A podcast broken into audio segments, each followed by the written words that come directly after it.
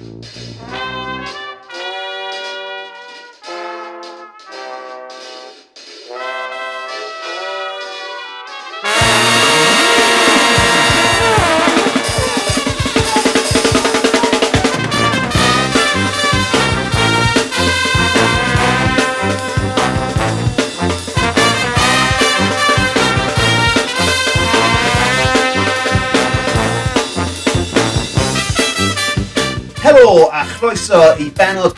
ar y podlediad newydd sbon. Ysbeidiau heilog. Gyda fi, Llywyd Owen. A fi, Lee Jones, lle byddwn ni'n rhoi'r sylw i'r pethau bach sy'n gwneud gwahaniaeth mawr i ni yn ystod y cyfnod hollol honco hwn. Byddwn ni'n cael cwmni'r anfarwol Ows Gwynedd moes y law. Ond cyn hynny... Rhoi dechrau, yn y dechrau, gyda'r cwestiwn mawr. Sef Llwyd, Pa mor hir yw hi ers i dy bendi disgyn i ffwrdd o dysgwyddau? oh my god.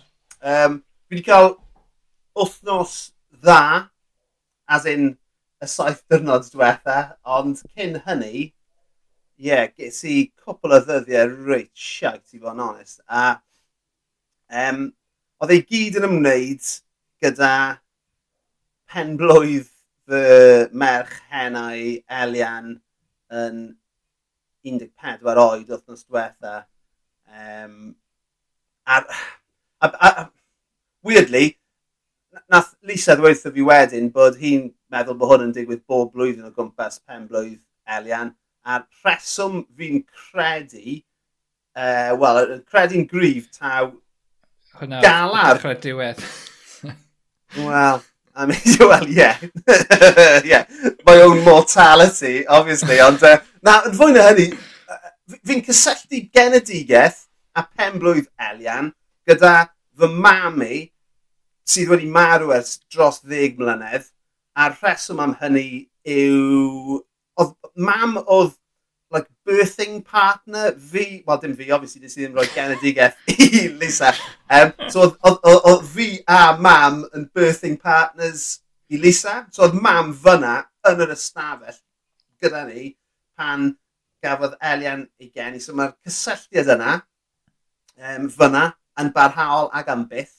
Ar ben hynny, um, oedd y merched eisiau gwylio like, fideos ohonyn nhw amser nhw'n fach dros penblwydd Elian a oedd mae mam yn lot o'r fideos yma a oh, nath e just chwalu fi man gweld hi um, rhyw dri mis cyn iddi farw ac oedd hi'n edrych mor iach a mor llawn bywyd a ie, yeah. so galar. Oedd y ti'n, oedd y ti'n, falle, falle mae ma bach o syndod i ti hefyd. Dydw ti ddim di deffro'r bore hynny yn disgwyl gweld fideos o dy fam. Ti'n bod, dydw ti ddim yn gallu paratoi ar gyfer hwnna, really. Na.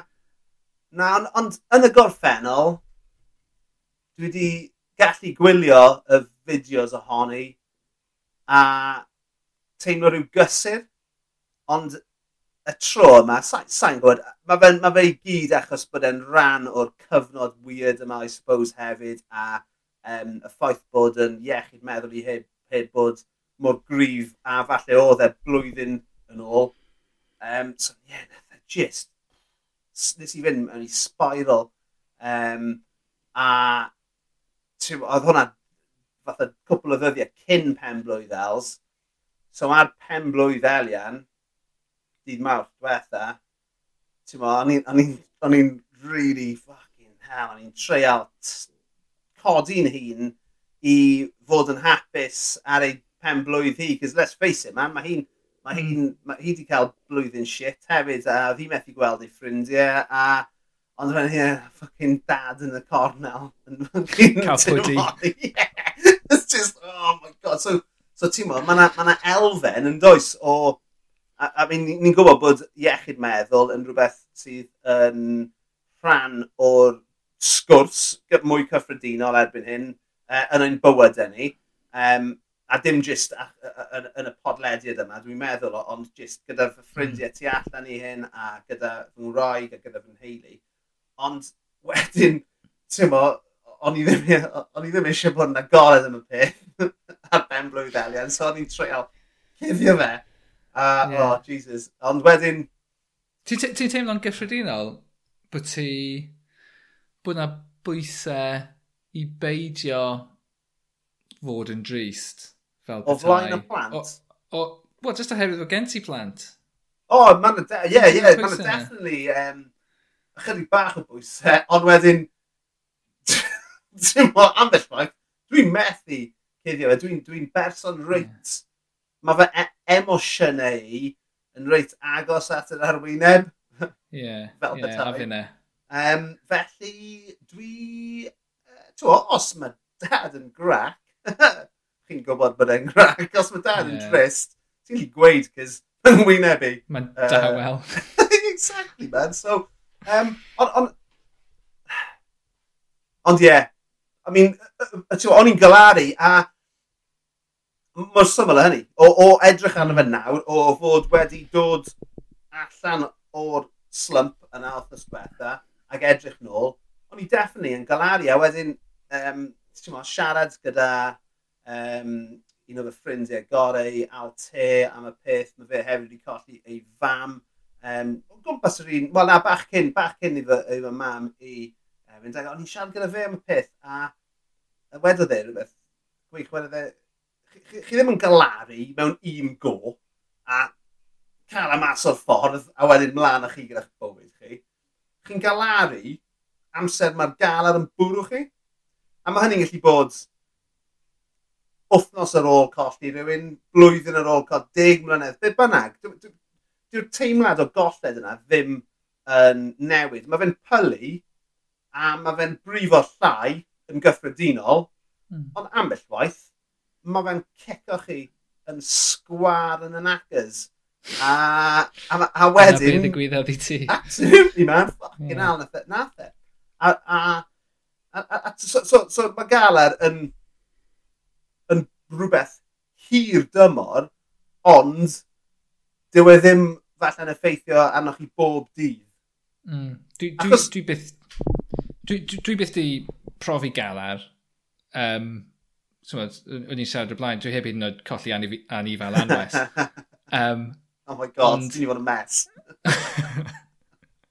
ond, twmod, o, o be dwi, twmod, darllen lot o, o be mae pobl yn dweud am, am y profiad, y ffordd maen nhw'n gweld e, yw, twmod, mae'n rhywbeth sydd mae'n rhywbeth fawr ar y pryd, a wedyn ych chi'n gallu prosesu hi, a mae'n rhywbeth bach. Dwi ddim yn mynd i ffwrdd, ond wedyn, tywod, falle mae pen blwydd rhywun yn dod a wedyn mae'n fawr eto, a wedyn mae'n encilio eto i fod yn fach, a wedyn ti'n jyst yn cael yr adeg yma pan mae'n dod yn fawr eto, ond mae'n dros, dros amser mae'n mynd yn llai ac yn llai o mod, rhywbeth ar, ar blaen eich meddwl chi. Dyna beth dwi wedi yeah. darllen ohoni. Dyna'n rhywbeth ti'n teimlo? Ie, yeah, na, mae'n ma hollol byd, ond os dwi'n edrych nôl ar farwolaeth man,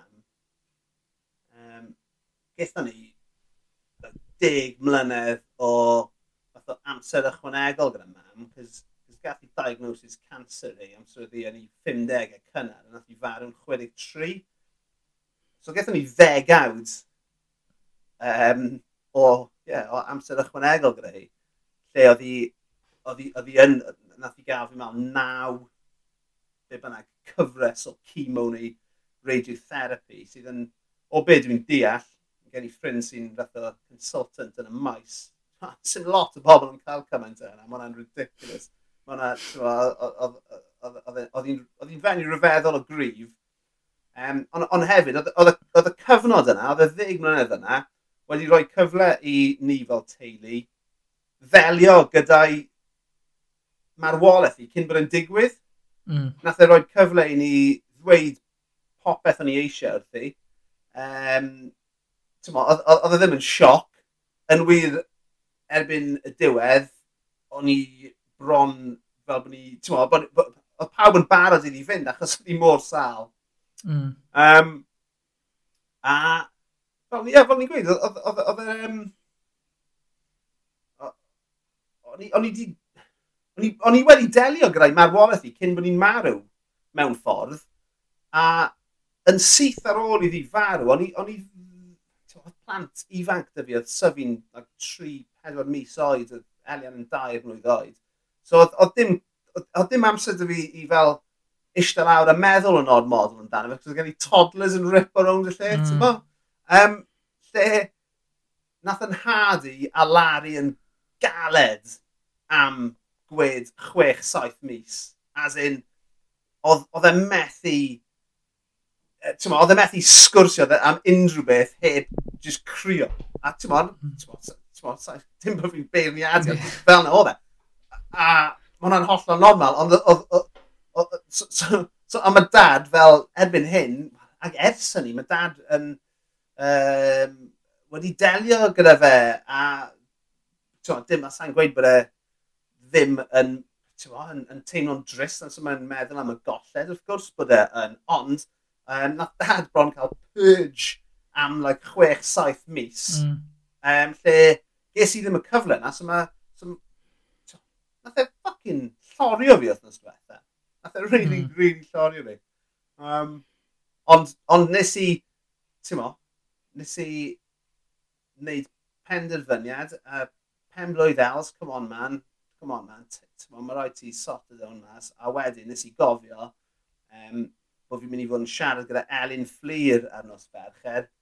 A o'n i ddim eisiau gweld i Elin Fflir gweld fi'n crio dros bob pan. so nes i sort o'n i'n allan. So diolch Elin Fflir. Wel, chwarae teg. Ond mae hefyd yn uh, dod yn y podcast hefyd, so uh, mae'n andiff da. A dyf dim, dyf dim rhaid i ti wneud unrhyw emotional blackmail chwan. Nes i sheimo hi ar, ar, ar, ar dyledu byw, a nawr mae'n dod yn y podlediad. dyna, wel dyna gyd ni angen wneud. Pwy arall, pwy, pwy arall ar y hit list? Ang ar y boen. oh, god. Yvonne um, Tywydd. A Gerard Pennant, nhw yw'r pedwar nesaf. The big four. Ie, man. Ben ddod y ti, man, wyt ti wedi bod yn, uh, achos y tro diwetha ni'n siarad, rhyw beth efnos yn ôl, o ti ddim yn cael amser rhi dda dy hunan? Na, um, ac oedd hwnna really yn, tmod, fi ar, ar dechrau'r downward spiral, really.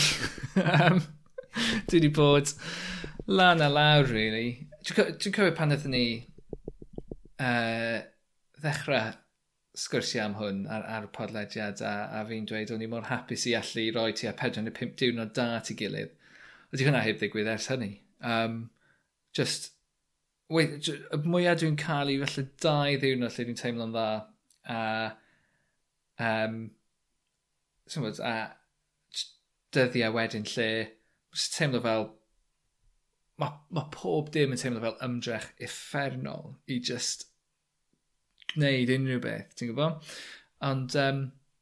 Wyt ti, Lee, gael, gael i fi gofyn cwestiwn, wyt ti yn...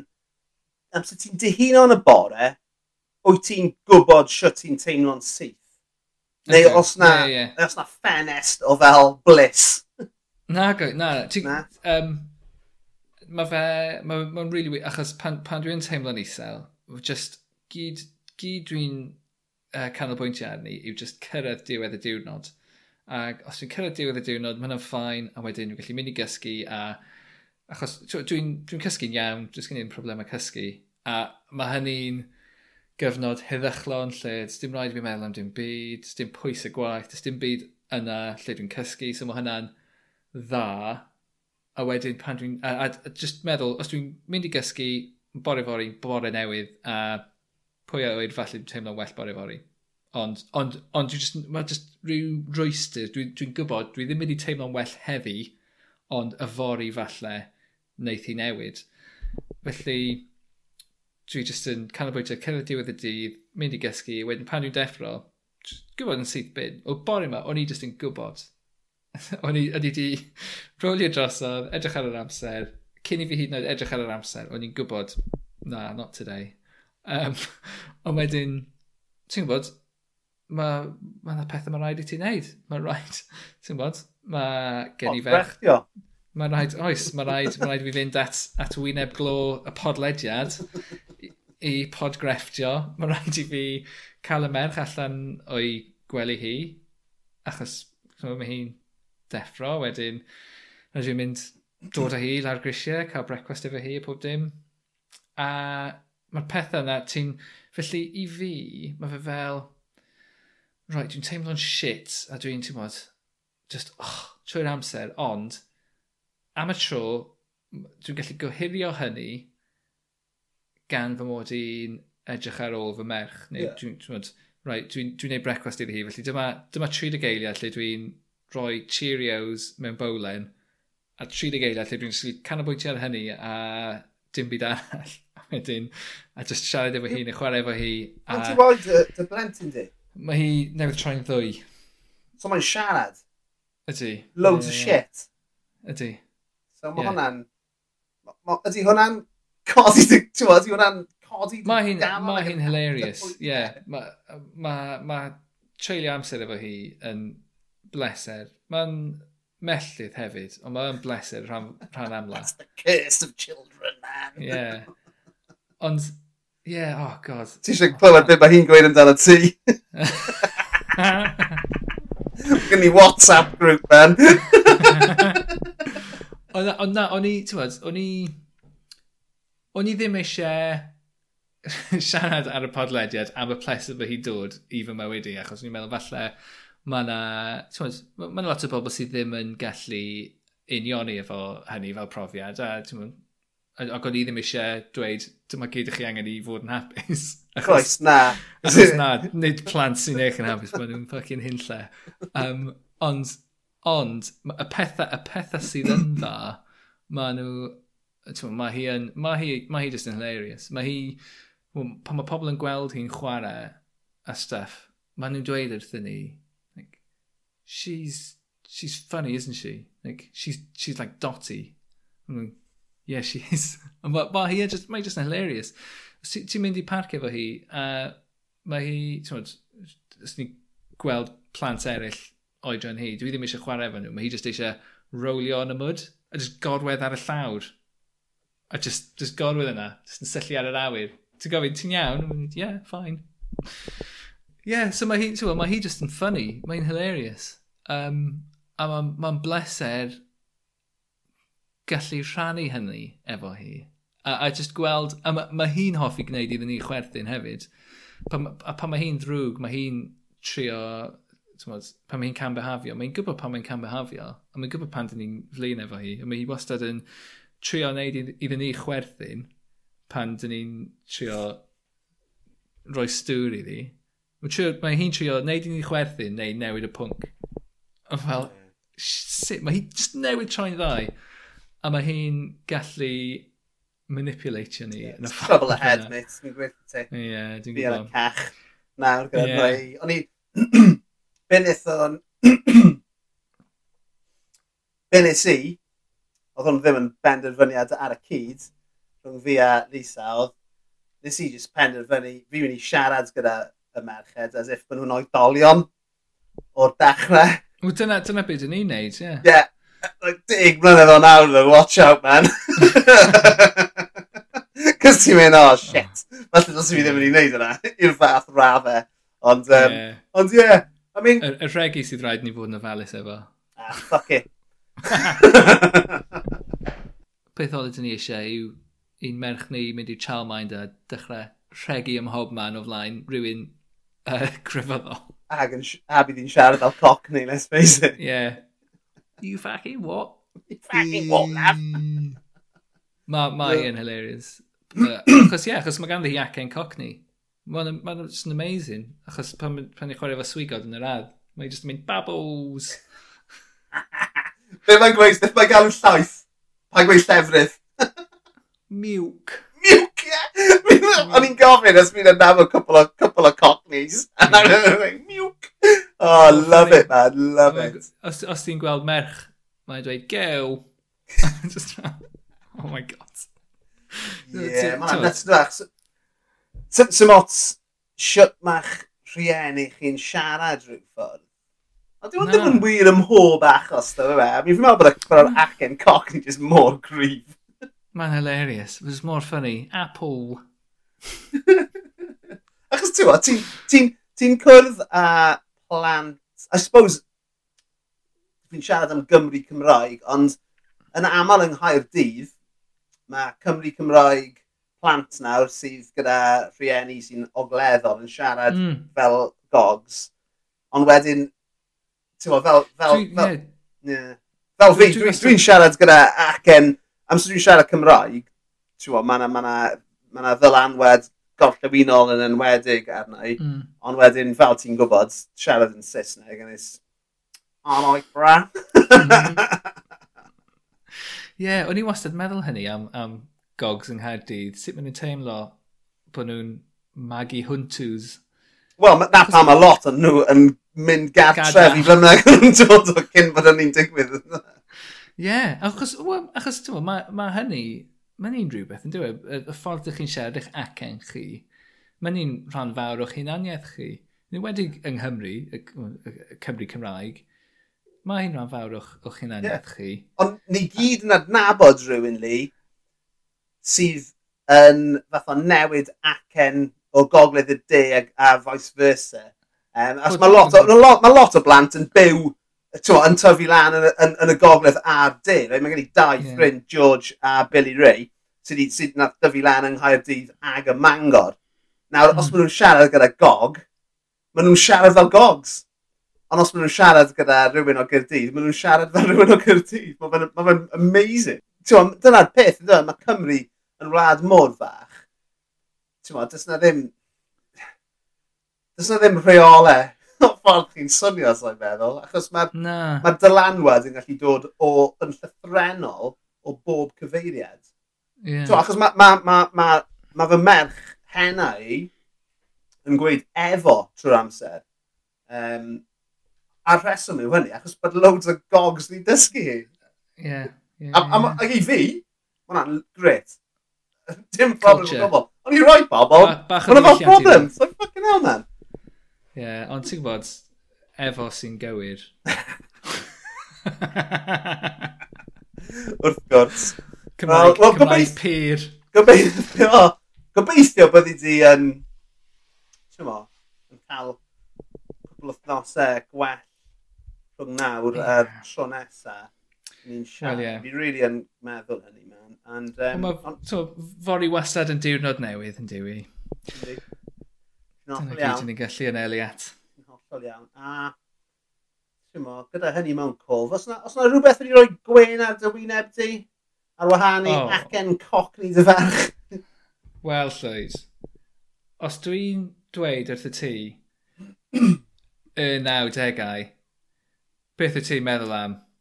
Uh, Gareth Southgate, Spice Girls, um, uh, Seinfeld, pethau anferthol, pethau, ti'n bod, landmarks diwylliannol anferthol yma. Yeah, that sounds good. Landmark diwylliannol. Ie, yeah, ti'n cofio lle oedd y ti? Pan, pan oedd e'n neud yr advert uh, trainers crap yna. Nath e'n neud loads o adverts. Oh, Gareth Southgate? Yr unig beth fi'n cofio fe wneud oedd miso penalty yn erbyn yr Almain ac allai wedi lle o'n i, o'n i yn y City Arms yn gwylio yna yn gael Fucking lan ar Ben y gader, no doubt. Ond, yn y restr, yn y restr hynny o eiconau o'r 90au, mae yna ma ddau air sydd ar goll. Blur versus Oasis. o, na. Mae hwnna'n un dda. Ond, yr un, yr un mawr, uh, yn lythrenol, Luciano Pavarotti. Uh, dwi wedi bod yn gwylio loads o fideos o Pavarotti. Mae'n ma, ma amazing. No wonder ma'n amazing. fucking depressed.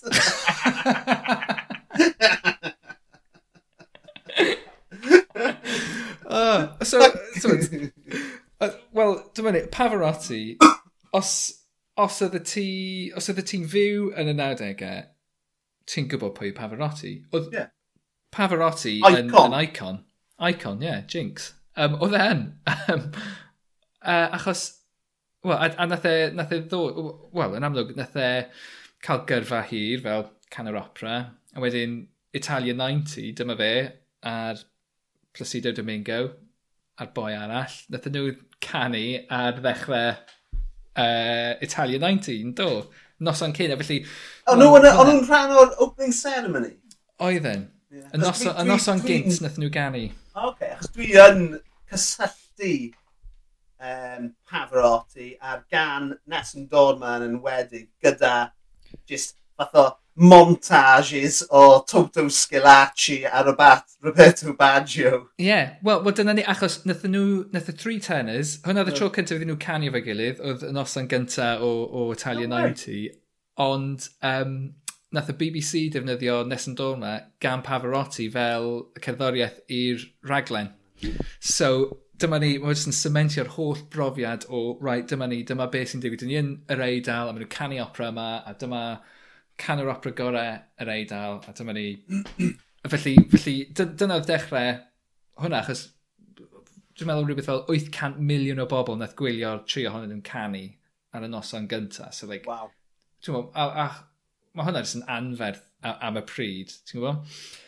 Um, felly, ie, yeah, dwi'n gwybod sut nes i ffeindio fy hyd yn, yn gwylio'r fideos yma, ond pa, pa, pawb yn gwybod Pavarotti, a uh, pawb, ti'n gwybod, pawb wedi gweld Pavarotti'n canu, ond os yw ti'n cofio, trio cofio pa mor dda yw e, ac os ti'n gwylio fideo nawr, mae fe'n loads well nag wyt ti'n cofio. Oh. Achos oedd e'n dda, a, a, a dwi'n meddwl, oedd e'n rhyw fath o caricature o'i hun mewn, mewn ffordd. A, a ti'n bod, chwarae teg iddo fe, ti'n icon, dyna beth sy'n rhaid i ti wneud i kind of cynnal dy hun ac i, i gael, os oes gen ti gynulleidfa mor anferthol, mae rhaid i ti kind of bod yn portreadu cymeriad A, a ti'n mwyn, ac oedd e'n gymeriad hawdd i'w gofio, ti'n mwyn, just for men ar ei eyebrows a pob dim. Ond, ond y peth pwysica yw, oedd e'n amazing yn gwneud beth oedd e'n gwneud. E- o'n i eb gwrando ar y gan ers blynydde tan, um, tan heddiw, tan i ti ddweud bod ti'n terrorist Pavarotti. No, oh, nice. A mynd nôl, a oh, ie, yeah, mae yna rhywbeth really, really arbennig am ei laesau. Heddiw, o'n i'n gwrando arno fe, a bob tro nes i gwrando ar y gan mewn gwahanol fersiynau, ond bob tro o'n i'n gwrando ar y fersiwn greiddiol yna, oedd just o'n i jyst yn cyfyd mewn croen gwy. Ie. Yeah. Bob well, tro. Achos, yeah, achos y ffordd ti'n cofio, ti'n meddwl, right, Pavarotti, big fat bastard, a ti'n ti disgwyl, ti'n disgwyl llais eitha dwfn i ddod ohono fe, ond ti'n meddwl, oedd e, e'n tenor, hwnna ydy un o'r lleisiau mwyaf uchel i ddyn canu, a, a dyma fe, just, a, a, just y, y sain uchel, ond mae yna rhyw rhywbeth oh, ddwfn amdano fe, rhyw fath o tombre am yr holl beth sydd just yn anhygoel yn dweud. A just, yeah. a, achos ie, yeah, os ydych chi'n gwrando ar hwn, ewch i rand ar Pavarotti canu nes yn dorma, achos mae ma, ma, fe'n loads well na ydych chi'n cofio, a mae'n brofiad insane. A hefyd, mae loes e yn anhygol wrth gwrs, ond mae'r ma, ma, ma cor sydd yn canu, fi'n meddwl ta'r fersiwn, mm. sa'n clywed pa fersiwn, um, mae'n bynnag ar YouTube, ond mae'n os, os chi'n clywed y, y, y fersiwn mwyaf um, fath o poblogaidd, I guess, yr un o'n i'n o'ch chi'n clywed ar y radio a'r teledu yn bob man yn y 90au, mae'r cwr sy'n canu gyda fe fel genuinely fel angylion. Like, you know, does na ddim ffordd arall o, o i disgrifio nhw. A mae hwnna hefyd yn rhoi heinen arall o, oh my god, touching yeah. my mm. soul. Ti'n ti cael trywedigaeth yma? Yeah. Na, gesi, gesi. E. A dwi ddim dwi ddim yn fwy opera. O gwbl. I mean, sa'n gwybod sy'n ti yn yn gyffredinol. Na, na, dwi ddim. Ie, oedd e'n really yn Just y llais. Ond wrth gwrs, um, ti wedi mynd lawr twll cwningen hefyd ar ôl hynny. O oh, ie, yeah. wel nes i, nes i ffeindio fideo ohono fe'n canu gyda Aqua, ti'n meddwl, Barbie Girl Aqua. yeah, that wasn't a high point, gweld O na, mi oedd e. Oedd hwnna'n awful, man.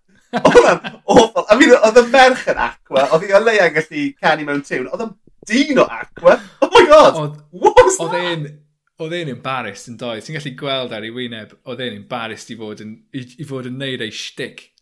Just tua chwe troedfedd i ffwrdd o Pavarotti ac yn gofod canu fel yna. Oh, oedd e'n embarrassed yn doedd. Mae'n ffynnu. Beth arall ti wedi gweld o? So, ti'n bod, peidwch mynd i edrych uh, ar, ar yr un yna. Although ti wedi well, tweeto fe, ddim sy'n ma lot o'n chi fod wedi'n barod. Um, uh, well, peth arall, oedd e wedi gwneud deuawd... Wel, achos oedd um, pob flwyddyn oedd Pavarotti wneud cyngerdd anferth uh, ar gyfer elusen yn Modena yn yr Eidal lle oedd e'n dod o. Ac um, oedd e wastad yn cael sedd mawr. Un, un ohonyn nhw, mae fe'n gwneud deuawd gyda James Brown. Ie, yeah, It's fel, what the fuck? A mae ma, ma ddau ohonyn nhw just yn just yn rhagorol, yn dydw. A just well, gweld y ddau ohonyn nhw yn rhannu be, llwyfan. A just... Be, be o'n i'n sylwi ar y holl ddeuawd yma, um, nath Aretha Franklin ddim wneud deuawd gyda fe, ond nath hi hefyd canu nes yn dod yn ei le fe achos oedd e'n sal mewn rhyw gwobre. Yn y, yn y Grammys, ie. Yn y Grammys, ie. Yeah. Um, a beth, beth oedd yn tueddu digwydd yw bod pawb yn gorganu achos mae lais e mor bwerus, right? Mm. Ond mor ddiymdrech o bwerus. Ydy, ydy. Lle, lle, lle mae James Brown, right? Mae llais amazing to James Brown, ond oedd e, oedd e'n treol hyd yn oed yn galetach i ganu'n dda, achos bod Pavarotti wrth i ochr e. Ac oedd yeah. Pavarotti wedyn, just, just fel, oh my God. Just, oedd, just, just yn chwythu pawb o'r ffordd. Dwi wedi bod, dwi wedi bod mor ddwfn lawr y twll yma llwyd. Dwi wedi bod yn gwylio... Be all ti wedi gweld? Dwi, na, dwi wedi, dwi wedi bod yn gwylio cyfweliadau gyda Pavarotti a Pavarotti'n rhoi gwersi ac yn egluro sut mae fe'n canu. A, a, a mae fe'n ma fe egluro yn, yn glir be, like, y, y mechanwaith efo'i efo lais a mae'n dweud dyma sut wyt ti'n neud hwn a ti'n modd A mae ma fe'n dweud sut mae fe'n gwneud iddo fe, a, a pam mae fe'n gwneud e, yn y ffordd yma, fel bod e'n taro'r nodau yma, ond yng, fel, taro'r nodau yma mewn ffordd lle mae vocal cords e ddim yn strainio, fel bod nhw'n ymlacio wrth iddo fe taro'r nodau uchel yma. A mae fe'n dangos esiamplau ohono fe'n gwneud e, a mae jyst yn... Oedd e'n feistr, oedd e wir yn deall As, y gwyddoniaeth trwy beth oedd e'n neud. Dyna, dyna'r peth, ynddo fe, ti jyst wedi hoelio fe fyna. Oedd e'n neud e'n môr ddiymdrech. Oedd. Oedd gallai wedi canu hwnna yn gorwedd lawr. Yw'r synwyr dwi'n cael o. Ie, ie, ie. Ond, um, a surprising, un o'r pethau, neu un o'r fersiynau gorau o Neswn Dorma weles i, oedd Michael Bolton. Oedd hwnna... Shout out i Michael Bolton, my mulleted master o hwnna di chwalu mhen. Achos fod, pobl fel Michael Bolton, oh yeah, we're going to have llais dda. A wedyn ti'n oh right, Michael Bolton, neud nes yn dod mewn, right, pam, ti'n be, be sy'n mynd i ddigwydd yma? Dwi'n mynd i, ti'n bod, yeah. symud y microphone i ffwrdd o'i geg wrth iddo fe taro'r nodyn uchel, ti'n fel mae power metal singers yn neud neu beth bynnag, ond... Na, mae fe'n hoelio yeah. fe, dwi'n Mae'n amazing. Yeah. A mae Pavarotti just fel, mae fe'n edrych ar Michael Bolton ac edrych ar y gynulleidfa. A ti'n mae fe'n ffucking... Yeah. yeah Oedd e'n i cael ei synnu hefyd. yeah. I didn't even want to book him. Oh, amazing. A wrth gwrs, um, um, Paul Pot o Pot Talbot. Yeah. Oedd e'n canu fe? Oedd e'n Cambodian, doedd e? Oh, nath e gani fe, nath e gani fe ar um, Britain's Got Britain's Talent neu bynnag e? Ie, y gyfres gyntaf, Britain's Got Talent. Fe, fe nath ennill yr un gyntaf, dwi'n meddwl. Ie, ie. Ie, nes i wylio hwnna hefyd. Sexiest man in Port Talbot. 2003. Cyn bod Michael Sheen yn symud nôl. Ie, yeah, ni'n mynd i ddweud. It was Paul Pot, wedyn The Ghost of Richard Burton oh, god. Uh, yeah, Paul Potts. Um, yeah. Yeah, uh, yeah, oedd hwnna'n, yeah, nes i wylio hwnna hefyd. Ac, um, yeah, just, just calm dda, yn diwy e hefyd. Oh, I mean, wyt ti'n gallu gweithio ni, um, beth yw ystyr y peth ni? Ti'n wyt ti'n ei wneud? Ie. Wyt ti o leia, wedi'n mynd ar Wikipedia. So um, y, y, y, y, y darn enwog Vincero, Vincero. Hwna di uh, mi fyddai'n ennill. So, um, yn yr opera yma, uh, mae'r gân yma'n cael ei ganu gan y boi yma uh, sydd... Uh, mae ma, ma fe eisiau priodi'r merch yma a dyw hi ddim eisiau priodi fe a maen nhw'n dod i rhyw cytundeb lle os dy hi'n gallu difalu ei enw e erbyn y diwrnod wedyn, uh, mae hi'n gallu lladd e, ond os dyw hi ddim, mae hi'n gallu priodi. Okay, fi'n fi yng nghanol um, ysgrifennu nofel nawr, ac o'n i'n meddwl bod plot fi yn bach yn dros ben llestri, ond Jesus, you should be oh, uh, writing well, operas. fel arfer, mae hwn yn cael ei... Mae'r ma opera mae'n cael ei osod fel arfer yn China, felly os ydych chi'n chwilio am luniau o'r pobl yn perfformio hwn, ydych chi'n gallu disgwyl uh, colir hiliol iawn. Oh. Uh, fel, fel sioi ffermwyr ifanc. Ie, yeah, can actol ffermwyr ifanc. um, ond lleisiau hyfryd. Um, ond, so, ond, on beth sy'n digwydd yw, um, mae'r ma ferch yma'n mynd trwy'r ddinas yn, yn a mae hi'n uh, torturo pawb yn y ddinas i trio ffeindio allan beth i enw'r boi yma. A just neb yn dweud wrthi hi. A dyma fe jyst yn dod ar ei llwyfan wrth i'r... Um, a mae'n... Ma a ma yn y gan yma, mae'n dweud i'r ser i'r ser machlyd fel bod yr hael yn gallu codi achos fi'n chero, mi yn ei llai. So, a dyna, dyna beth yw'r gan. A mae fe'n, ti'n bod, uh, pan ti'n considero'r wythnos diwethaf ni wedi cael, Uh, gyda Sarah Everard a pob dim. Dwi'n meddwl fod y cyd-destun o'r gan yma yn eitha... Uh, dwi ddim rili'n really uh, rhywbeth addas iawn ar hyn o bryd i siarad amdani. Ond, ti'n meddwl, fel ni'n dweud, what a voice. Ie, yeah. yeah. Dal diolch i ti am ddod a um, Luciano Pavarotti at y bwrdd, top petai. Um, Big fat legend. A Luciano Pavarotti. Um, Hei! uh, yeah. Felly, uh, felly ar y llaw arall te, Llywyd, beth sydd wedi bod yn dy blesur o di? Wel, I mean, cyn dachrau, fi jyst eisiau gweud bod um, fy newis i wythnos yma yn llawer, wel, lot lower brow na fydd ti wedi dod. Ond, Um, yeah. O'n i, I don't know amdano ti, man, fi'n fi, fi, fi gwrando lot o bodlediadau, a dwi ambell waith yn teimlo fel bod fi mewn rut yn gwrando ar yr un lleisiau, a dwi ambell waith yn diflasu, a dwi just... Gan Gambwyll, um... hang on, pa i droi syniadau i unrhyw un? O na, na, na, caru llais fy hun. Ond, um, ambell waith, fi just eisiau rhywbeth newydd. Fi just eisiau rhywbeth, mm. right, fucking hell. Give me something new, man. Give me something new. So, Nes i i edrych wythnos diwetha, a ni like, right, fi yn y mood, a fi eisiau rhywbeth ffynnu, cos o'n i, o'n i, o'n i, o'n i wedi tynnu'n hunan allan o, ti'n modd, cwpl o ddyddiau reit tywyll, a ni like, come on, um, Mike Bubbins just isn't going to cut it this time. So, um, a fi'n cael, fi cael socially distant sports fab ar un o fy ffefrynnau, un, un, o, un o fy staples wythnos ni. Ond o'n i eisiau rhywbeth arall, o'n i eisiau rhywbeth gwahanol, o'n i eisiau rhywbeth o'n i heb clywed o'r blaen. So es i edrych, A des i ar draws um, podlediad o'r enw Good Morning From Hell. Ac o'n i'n meddwl, yeah, that sounds about right. Nawr, mae Good Morning From Hell, fi wedi gwrando ar fath o'r chwech neu saith penod cyntaf. Mae nhw gyd yn hanner awr o hyd. A mae genuinely yn hollol juvenile a yn genius hwyr. Um, Oedd e'n union be o'n i'n edrych am. Um, a'r, ar set-up yw, um, bod e'n spoof o sioe frecwest um, yn effern. a yn effern, dydd llun yw i bob dydd so mae'n ddydd llun bob penod a mae fe'n cael ei gyflwyno gan uh, Clayton the brother of Satan a boi'r enw sydd yn demon a, a boi o'r enw Chris a mae Chris just wedi marw a mae fe, a mae fe mae wedi cael ei ddedfrydu i gyflwyno podlediad bob dydd llun, bob dydd hynny yw, yn effern am byth.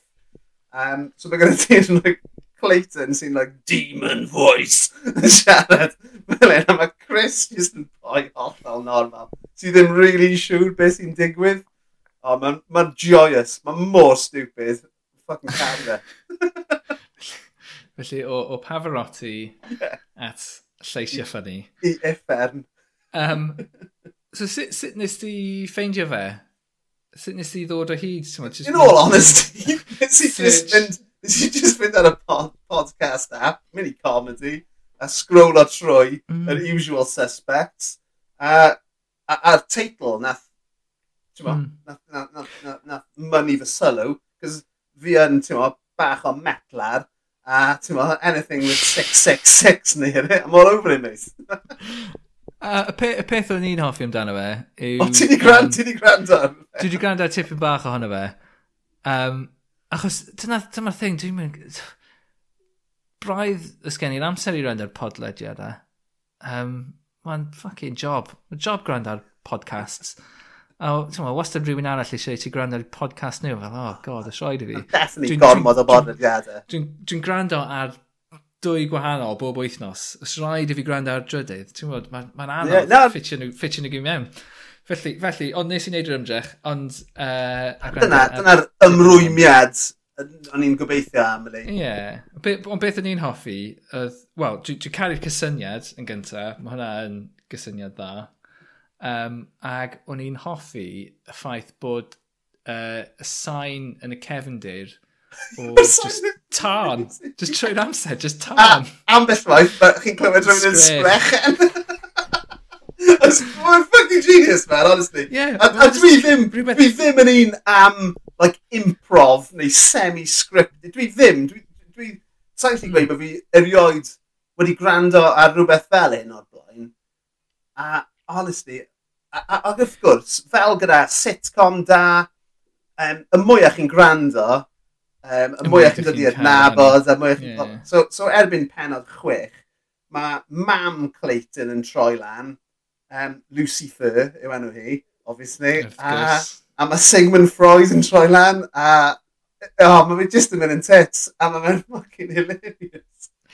Mae ma rhaid i fi ddweud, oedd gen i amheion Oherwydd oedd na, oedd na, ti'n modd, vibe tipyn bach.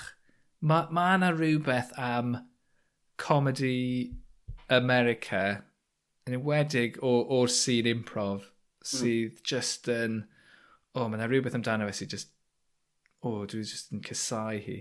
A dwi'n dweud hynny fel rhywun sydd wedi mynd i America i berfformio improv. Um, Na, mae yna rhywbeth. Yeah. Mae yna rhywbeth am y sîn yna. A just, ti'n modd, just, just plant, plant clwb drama ydyn nhw.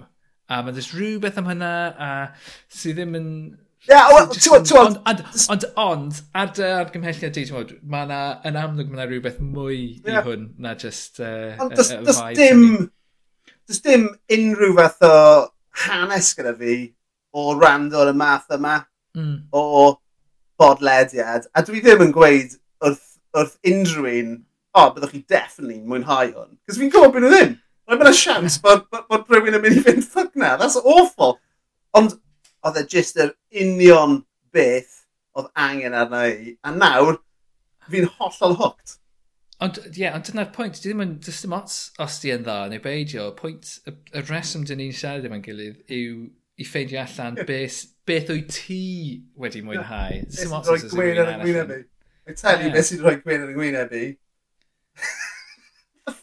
Nath y pedwar Beatles troi lan yn un ohonyn nhw. Gan, gynnwys, gan gynnwys y fake Paul McCartney. oh, honestly, more stupid. Uh, pawb yn neud um, Scouse accents really dodgy. Yeah, I yeah. loved it. Man. Oh, they're brilliant. So, um, yeah, dyna, dyna beth sydd wedi rhoi gwyn. O, ac un peth. Mae Chris yn troi mewn yn y benod gynta, a does dim pedyn dy fe, so apparently chi'n colli'r pedyn am amser chi'n mynd i effe. A mae fe'n gofyn what happens to all the penises. A mae Clayton hollol dead pan yn mynd, oh, they're all in the River Dix.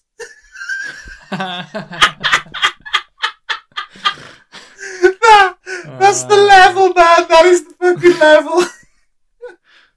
Be ti'n gorfod talu groes i'r afon hynny? oh my god, honestly. More stupid. And more funny. So yeah, hail Actually, Good, good morning from hell. yeah. Hei, cyn i ni fynd i ofyn i Ows Gwynedd am beth sydd yn hala fe yn hapus yn ddiweddar. Cofiwch i'n ddilyn ni ar Twitter, ysbeidiau hei pod, clyfar iawn, ag i tan ysgrifio a rhannwch y podlediad os ydych chi'n mwynhau efo'ch ffrindiau ac os ydych chi ddim yn mwynhau, rhannwch ni efo'ch gilynion. Ta waith, dyma Ows.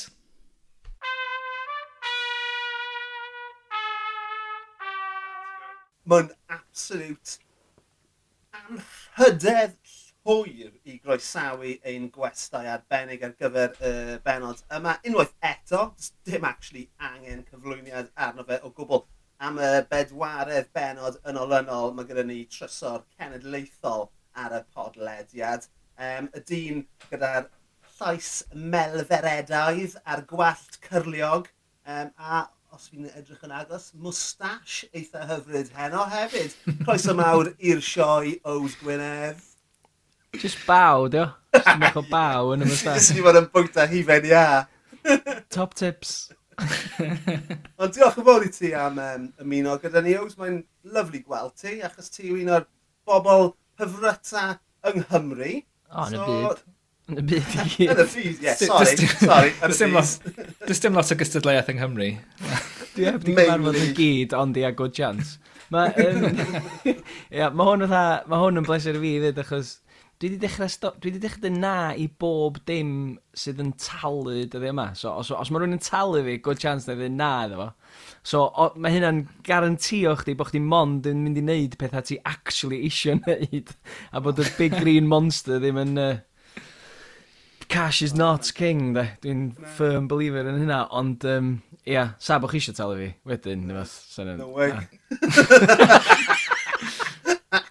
O'r budget i gyd i fynd ar pot plant Lee. Oh, o ie, ti'n gwybod hynna? Mae hwnna'n rili neis. I don't know, ti obviously heb clywed am fath o habit torth pimp pint Lee, so um, that, that's lle mae'r arian i gyd yn mynd. Na pam ni'n goffa dechrau Patreon mewn munud. Ie.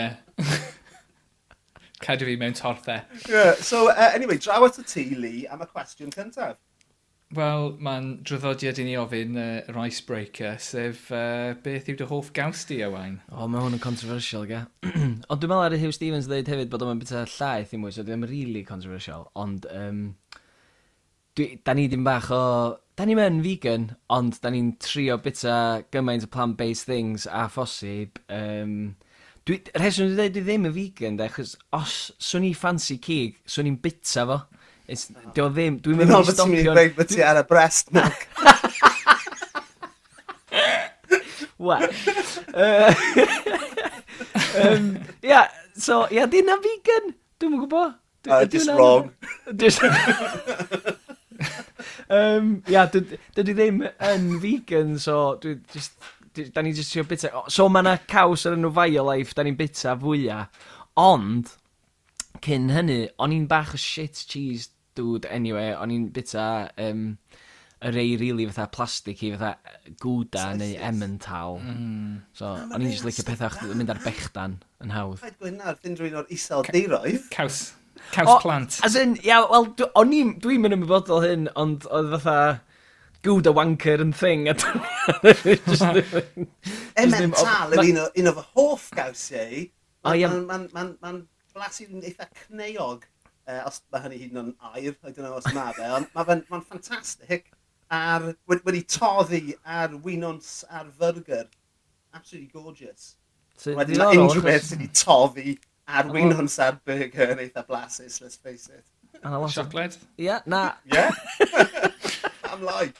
Mae'n a lot o vegan Jesus yn cael ei wneud allan o cnau, dwi'n meddwl. Ges i ffrau efo nhw online, achos o'n i wedi reid llun o fry-up o'n i wedi wneud A dwi'n dal yn bita wya, dyna pam dwi'n dweud, dwi'n vegan. Dwi'n Ac yna rhywun fatha, mae bobl yn, mae veganism neu beth yn fair game, ti'n cael sarhau rhywun am bod yn vegan, ond ti'n cael sarhau nhw fatha yn byd arall. Ond mae ma vegan yn kind of, fatha'r hen thing o ti'n cael cymryd y pes allan o rhywun Irish neu Cymraeg neu fatha. Dwi, dwi, beth, dwi ddim wedi mynd mor uh, eithafol a, a ti. Dwi, dwi heb bwyta cig, um, as in beef porc, cywiar, beth bynnag fel mm. cigoen. Uh, y, y, y ganrif yma, um, dwi, dwi yn bwyta pysgod, um, a'r, ar enw gorau dwi wedi clywed ar um, paiseterion maen nhw'n galw, nhw'n fe, ond, ond fi wedi clywed rhywun yn galw fe'n uh, fish and chipocrats. Sy'n fucking genius, right? Yn, yn, yn, y dyfodol, dwi'n meddwl, fod ni gyd yn symud at stwff plant-based ac ar yr unig, fatha, yeah. os, ges i, er enghraifft, iawn, ges i curry mewn restaurant ac oedden nhw, a ni di ordro yn aubergine a fel otho, a ffocin beef efo. Ti'n be, nes i, nes i fita fo.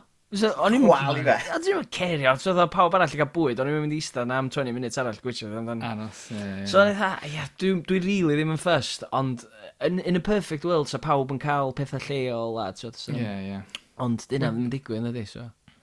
Dwi'n dwi, dwi bwyta llwyth o gig.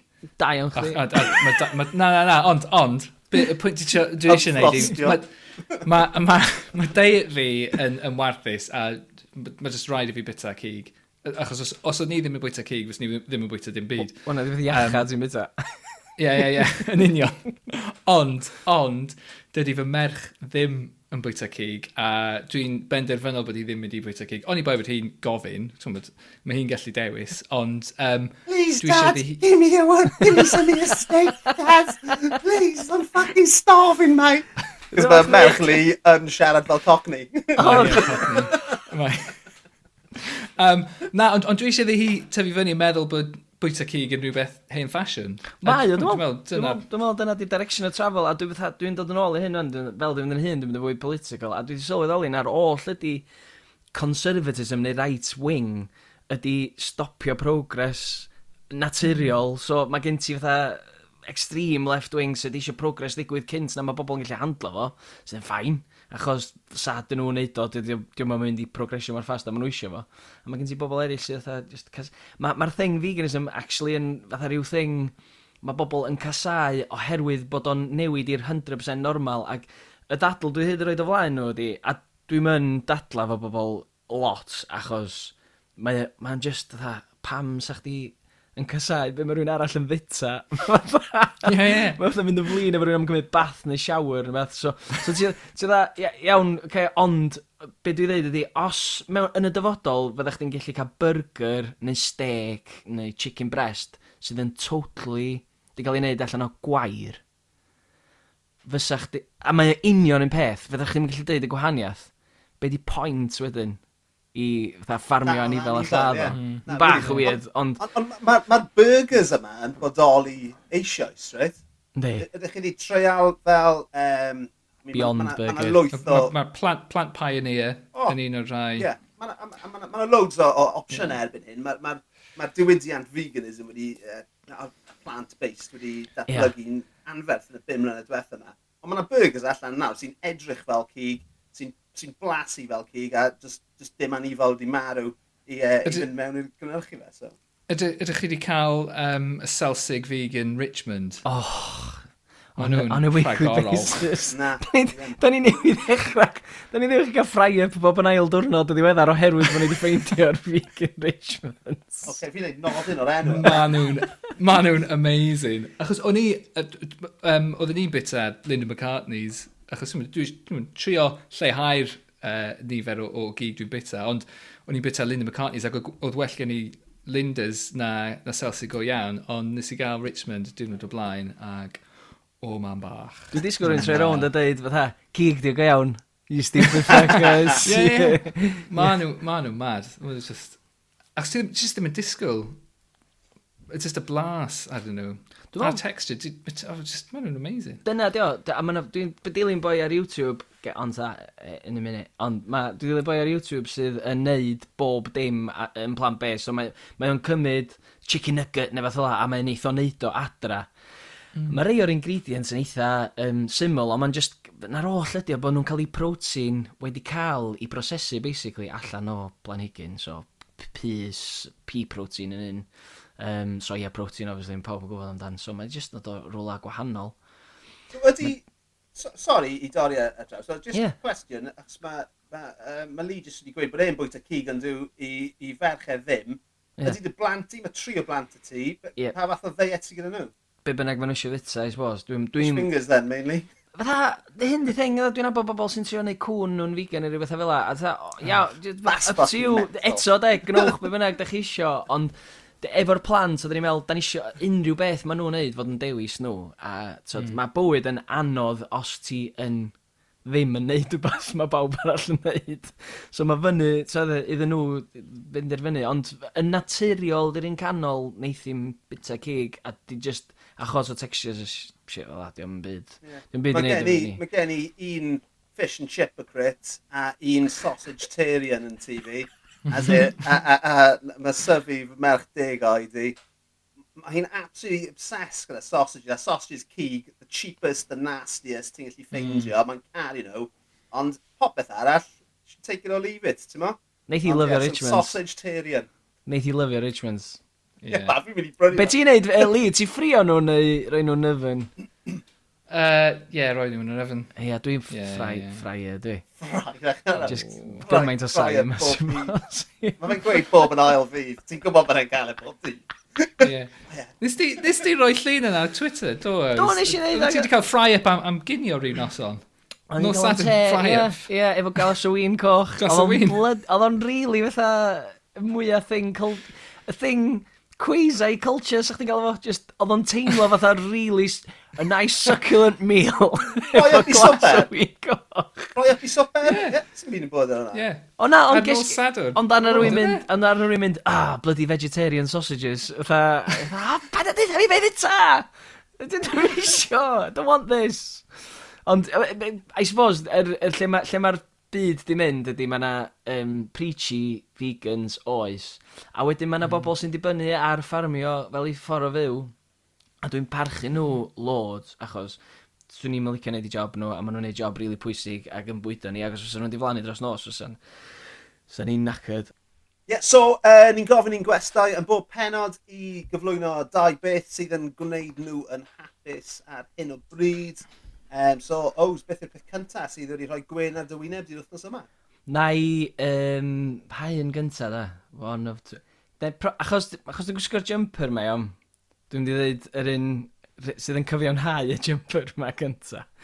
Garddio ydy'r thing sy'n neud fi'n abys. O'n i'n meddwl, um, sgota sy'n ei ddweud.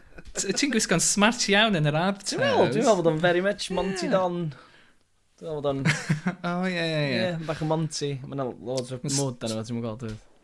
Ond ia, dwi wedi bod i bod yn... i'n garddio pan mae'n cael tŷ ni gynta. A na rwy'n awgrymu, deuddag mlynedd yn ôl, a na rwy'n awgrymu blannu tatws mewn darn o dir oedd ni eisiau tacluso. So, o'na chwyn a gwair yn o'r bethau fel aso. Nath ni droi, droi dim bach yn o'r drosodd ar plannu tatws. A wedyn, ers yna, ges i'r bug. A wedyn, mm. oedden ni'n tyfu veg yn cefn ac yn ei ryw dy gwydyr bach, ond ers, ers ni gael extension, dos am rar yn cefn, ond ar ni, mae yna darn o dir jyst wrth ymyl y tŷ, a mae o'n patch um, pedwar fatha... Uh, oedd yr, oedd hen gwbl yn byw na ystalwm yn, yn tyfu veg a felly, so oedd gen nhw pedwar darn o dir i wneud crop rotations a felly. A dyna dwi wedi bod yn neud ys y tair mlynedd dwythau, di dod â hwnna nôl i, i fyw a yr unig beth sy'n chilio fi allan a blaw am alcohol ydy garddio. so, um, a ti'n be, i fod yn holl onest, yr unig beth sy'n cadw fi off ffôn fi, dwi'n holl o ddicdydd mm. i bob dim, a pan mae dy ddwylo di'n llawn baw, mwd, a probably cachu cath, ti'n just methu twtio yn byd, so dydy'r ffôn i'n mynd allan o'r pocad, a wedyn, na i ffeindio allan am bethau sydd wedi digwydd wedyn. A dyna ddech chi'n, ie, yeah, so, that's, hwnna sy'n neud i fi'n rili. Okay, well, fi, fi, fi eisiau mynd yn ddyfnach yn hyn, cos dwi, um, dwi ddim yn hawlio bod fi'n e, uh, gwybod beth fi'n neud, ond dwi yn tyfu llysiau bob blwyddyn. Um, mae gen, i, mae gen i purple sprouting broccoli sydd yn pingo reit ar y foment. A o'n i jyst wedi anghofio amdano fe dros y geiaf, a mae wedi dechrau tyfu eto yn y gwaith. Meister. O, Mae- mae- Fel falle bod dylswn ni pitio syniad am sioi fan hyn, oes? Yy, Wan ydi tymor o i fod yn os- honell onest ddech chi, mae Purple Sprouting Broccoli yn un o'r pethau sy'n llenwi'r hungry gap maen nhw'n galw fo. So mae pawb yn meddwl am y gwanwyn mm. fatha adeg tyfiant, ond y gwir ydy fatha dyna pryd ti'n hau hada, a dyn nhw'n mynd dod, ti'n mynd dechrau bita nhw tan tua mis hefyn, probably, so. A, Da ni yn a, yr... a, a beth arall sydd gen i, jyst dros ben o'r llynedd, yw um, rhyw fath o ceil just um, Curly Cale. Gyda ni Curly Cale ys llynedd hefyd! Ond mae'n ffucking briliant. Ac o'n i on i just ddim yn deall pwrpas Cale tan bod rhywun, tan bod rhywun yn esbonio i fi, o, paid a steam o fe, na, na berwi fe, rhostio fe, ro fe'n y ffwrn, jyst gyda um, olew olewydd a halen, a mae fe'n ymwneud, mae fe'n crispo lan, mae fe'n y peth mwyaf blasus. Mewn 3 munud, 3 munud, ddim mwy na ni. Ie. So ie, yeah, dwi'n dwi So beth, beth wyt ti yn tyfu te? Uh, beth, beth sy'n gyda ti ar y go? Dwi'n trio neud bob dim, ond dyna lle ti'n mynd y rong, a dwi'n meddwl, hyn a fyd, e, mae yna gymaint i ddysgu, a mae hyn yn swnio fatha meidio, fatha, dwi'n mwyn gwybod new age thing, ond ti'n dysgu gymaint drwy cael connection efo'r tir, mae'n ridiculous. Mae fatha patience, um, dysgu neud pethau'n iawn tro cynta, achos dwi yn massive bodger, da master of all trades, uh, na Na. y gwrthwyneb. Jack of none. Wyt ti, ffucking He-Man. so, um, yeah. So hwnna ar y LinkedIn. Yeah. Master of all trades. Na, so dwi'n dwi, Jack of all yn master of hyn, a wedyn dwi'n siarad bodio, bodio, bodio. A, oh, neu rei hwn yn fan hyn, fydd o'n iawn, fan hyn, fydd o'n iawn, fan hyn, wedyn anghofio'n dyna fo.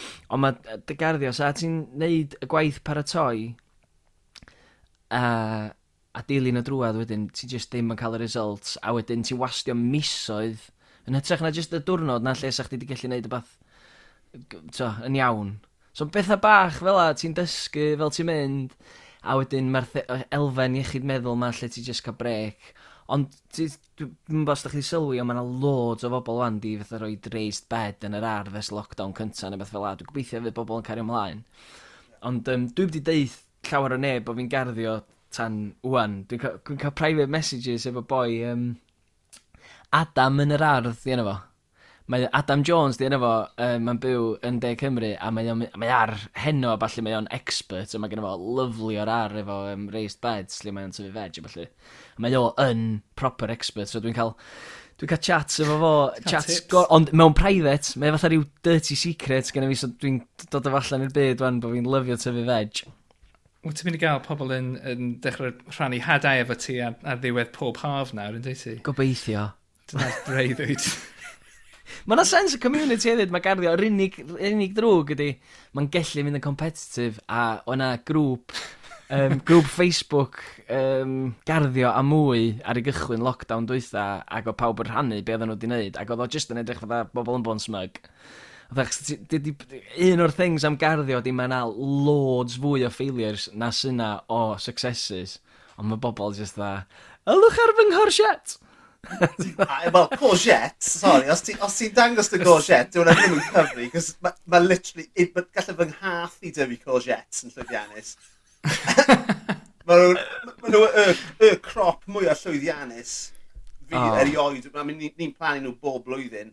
A ma, ma nhw mor, um, beth yw'r gair, high yielding yn Saesneg. Dyna, dwi o. Dwi'n goff yn rhoi nhw i ffwrdd, ma, ma nhw mor gynhyrchiol. Um, ond ie, yeah, massive fan of Porsche. Da ni'n greitio nhw fyny efo tatws yn ionod dde, a ni'n efo ni patis. A... Yeah, man, yeah, yeah, yeah, yeah, yeah. Dyma beth, Ti dim ond yn, ti dim ond yn dysgu hwnna, os oes gyda ti gormod o courgettes, right? o, gluts, gluts ydi gorau, so mae yna Google section o gl be i wneud efo gluts o bob dim. yeah. Cucumber gluts o'n i gafel yn dweitha, dwi wedi gwneud bob dim o fatha pickled cucumber i cucumber relish i... Um... Gin and tonic. That's yeah, anyone. Yeah, definitely. Yeah. O, oh, smoothie. Mae lovely cucumber yeah. cyfa mewn smoothie just, mae'n just fatha neud o'n fresh neis. Mae fatha rhoi melon mewn smoothie, really. Chos dyna di cucumber yn ffo mewn ffordd. Mm -hmm. Cucurbits, just in here. Cefnder. Oh. So, Lee, ti'n mynd ti'n excited efo'r conversation yma. Well, dwi'n hoffi garddio, ond dwi'n hoffi llysiau. so, that Lee just yn mynd i'r plan i cig. yeah. Nes i, nes i, nes i, gladdi, nes i gladdi buwch na uh, haf diwetha, ond dys dim byd di tyfu eto. Ti'n gwybod be? O'n i'n mynd i fod yn hollol boring o'n yn mynd, well, actually, Lee, Ma, ma, ti'n gwybod be? Dwi'n actually meddwl na ella bo sacrifices estalwm, fatha, ti'n gwybod, maen nhw'n sacrifice anifel. Mae oh fuck, mae'n ma yn briliant, dwi'n lyfio borio bobl. So, um, nes i weld fideo ddim yn ddiweddar, mae o'n hen draddodiad i roed oen stillborn o dan coedan. O oh, ie. Yeah. So gen ti rhywbeth... Clywed am hyn. Gen ti rhywbeth yeah. fel a, a mae yna thing o'r enw Terra Preta yn yr Amazon, iawn. Black Earth, Terra Preta, um, biochardio in essence, ac oedden nhw'n meddwl ella bod o yna ar ôl uh, cataclysm neu beth fel a bod yr um, er ddiar di llosgi. Mae nhw wedi ffeindio bod o'n man-made, six foot deep, de, ac oedd yr um, Amazonians neu be bynnag oedd i roed o'na, Peruvians be bynnag, um, wedi basically, dyfeisio fo, oedden nhw'n llosgu pren, a wedyn oedden nhw'n rhoi anifeiliad i marw, oedden nhw'n piso na fo. Um, mae o'n fatha, mae o'n eitha sŵp cymleth o stwff. Mae o yn gynhyrchiol am flyn, un blynyddoedd, cannoedd o flynyddoedd wedyn. So maen nhw'n recno na dyna di'r Amazon ella rhyw remnants o garddio Amazonian. A mae gen ti storys atha o um, explorers yn mynd i'r Amazon yn, yn adrodd yn ôl ar y tribes yma oedd yn eitha advanced. A maen nhw'n dod adra, a maen nhw'n mynd yn ôl na cam mlynedd wedyn, a maen nhw wedi mynd. A, a, a just overgrowth, just llwyr. Ac ella na, achos o'r tir really ffrwythlon ma, dio. Ond maen nhw'n recno... Ffrwythlon i tir? Ie, ie. So maen ma nhw'n dysgu, ma, so mae bobl modern wan yn dysgu am y terapeta yma ac yn mynd, ffac, oedd science oedd o, dos am, dos am dwywaith, oedden nhw'n oedden nhw'n gwybod beth oedden nhw'n neud efo microbes a bethau fel la. A wedyn, um, ar yr Spaniards fynd yna, dwi'n meddwl Spaniards oedden nhw, ac ar nhw darganfod o bobl, a mae'n edrych fatha bod nhw wedi rhoi rhyw fath o disease iddyn nhw, ac oedden nhw wedi waipio nhw allan yn ebyn oedden nhw wedi dod yn ôl. A oedden nhw gyd, oedd gen nhw immunedd i European diseases, basically. Yeah. So the tribes mae gyd i gennyf diflannu. A maen nhw wedi ffeindio wan hefyd, maen nhw wedi ffeindio um, pyramids yn ganol yr Amazon. So mae yna um, ziggurats dyn nhw, so structures fatha pyramid, sydd yn masif, ond dyn nhw mond i ffeindio nhw fo fatha laidar achos mae'r overgrowth mae'r bob dim, so maen nhw'n edrych fel just fatha mynyddodd bach. I told you I'd bore you, didn't I? Yn ffrwyth lon i dy dydd di, Owd Gwynedd. Wyt ti'n ti farmio mwydod? Wel, un ffarmio nhw dwi'n gwneud compost yn hyn, ond yn newydd ddechrau dysgu am mwydod gen ti... Mae gen i, mae gen i um, fath o... Subpod. Three tier um, fan yes. o fwydod. A yes! Nes i, nes i gael e blwyddyn diwetha, a mae ma, ma, ma, ma nhw'n cynhyrchu'r comp, potting compost gorau gewch chi, eh? na, na, mm. na pam chi'n cadw mwydod tiger worms hefyd, dim mwydod o'r tir, ond chi'n gorfod cael mwydod o'r pen. Rwy'n bai na. Ac um, nes i esgylus o'n nhw'n llwyr dros y geiaf, a dim edrych arno nhw, dim gofalu amdano nhw o gwbl. Um, ac wrthnos diwetha nes i feddwl, o, oh, na fi'n i weld shut sharp sy'n ar y moesod. A nes i dynnu'r, ti'n ma, oedd y gweilod lot o compost, ond dim lot o fwydod yn y, yn y tir canol. Miloedd. O'n i'n na, na, o'n i'n gallu gweld falle oh. dig mwydyn. Okay. Achos o'n i, o'n i just, o dim, o dim, o'n i e bwyd o'n nhw. So, wthnos diwetha, nes i fynd, reit, fi'n mynd i bwyd o'n nhw, so dros y 3-4 dyna nesaf, nes i fwyd o'n nhw. pob dydd. The, the good stuff, yeah? Honestly, heddiw, fi wedi agor y tir canol heddiw, a mae yna ganoedd, os nad miloedd, o mwydod bach. Babis, basically. Just Mae'n dod... ffuck on hog ma. Oedd yn anhygol. Oedd yn absolutely anhygol. O'n i'n... O'n i'n disgwyl gweld mwy o fwydod na deg. O'n i ddim yn, o'n i ddim yn disgwyl gweld e just yn berwi gyda mwy. Oedd y hynllef. Ti'n dod i garu nhw dweud llwyd? Di o ddim yn yr... O'n i'n teimlo'n eitha tadol. Mae yna things on nhw subpods, ti'n claddu nhw yn y tir, a wedyn ti'n uh, drist rhoi scraps bwyd i fewn, i, a wedyn mae yna dylla rownd y subpod. So, ti'n mynd plannu yn y subpod, mae fatha, mae fatha lyd a set. A wedyn mae bob dim, mae'r tir rownd y subpod yn mynd yn super, super ffrwythlon, achos mae'r worms mae jyst yn bita a cachu. Mae'n amazing. Yeah. Fatha misconceptions amdan arddio hefyd, fatha dwi ti ddim yn... Dwi ti'n mynd bwydo planhigion ond bwydo'r pridd wyt ti. So mae'r mm. soil structures, y fwyaf ti'n bwydo'r pridd, y fwyaf o microorganisms sy'n mynd yna, y fwyaf o mwydo wedyn. Sorry, Lee. Na, na, na.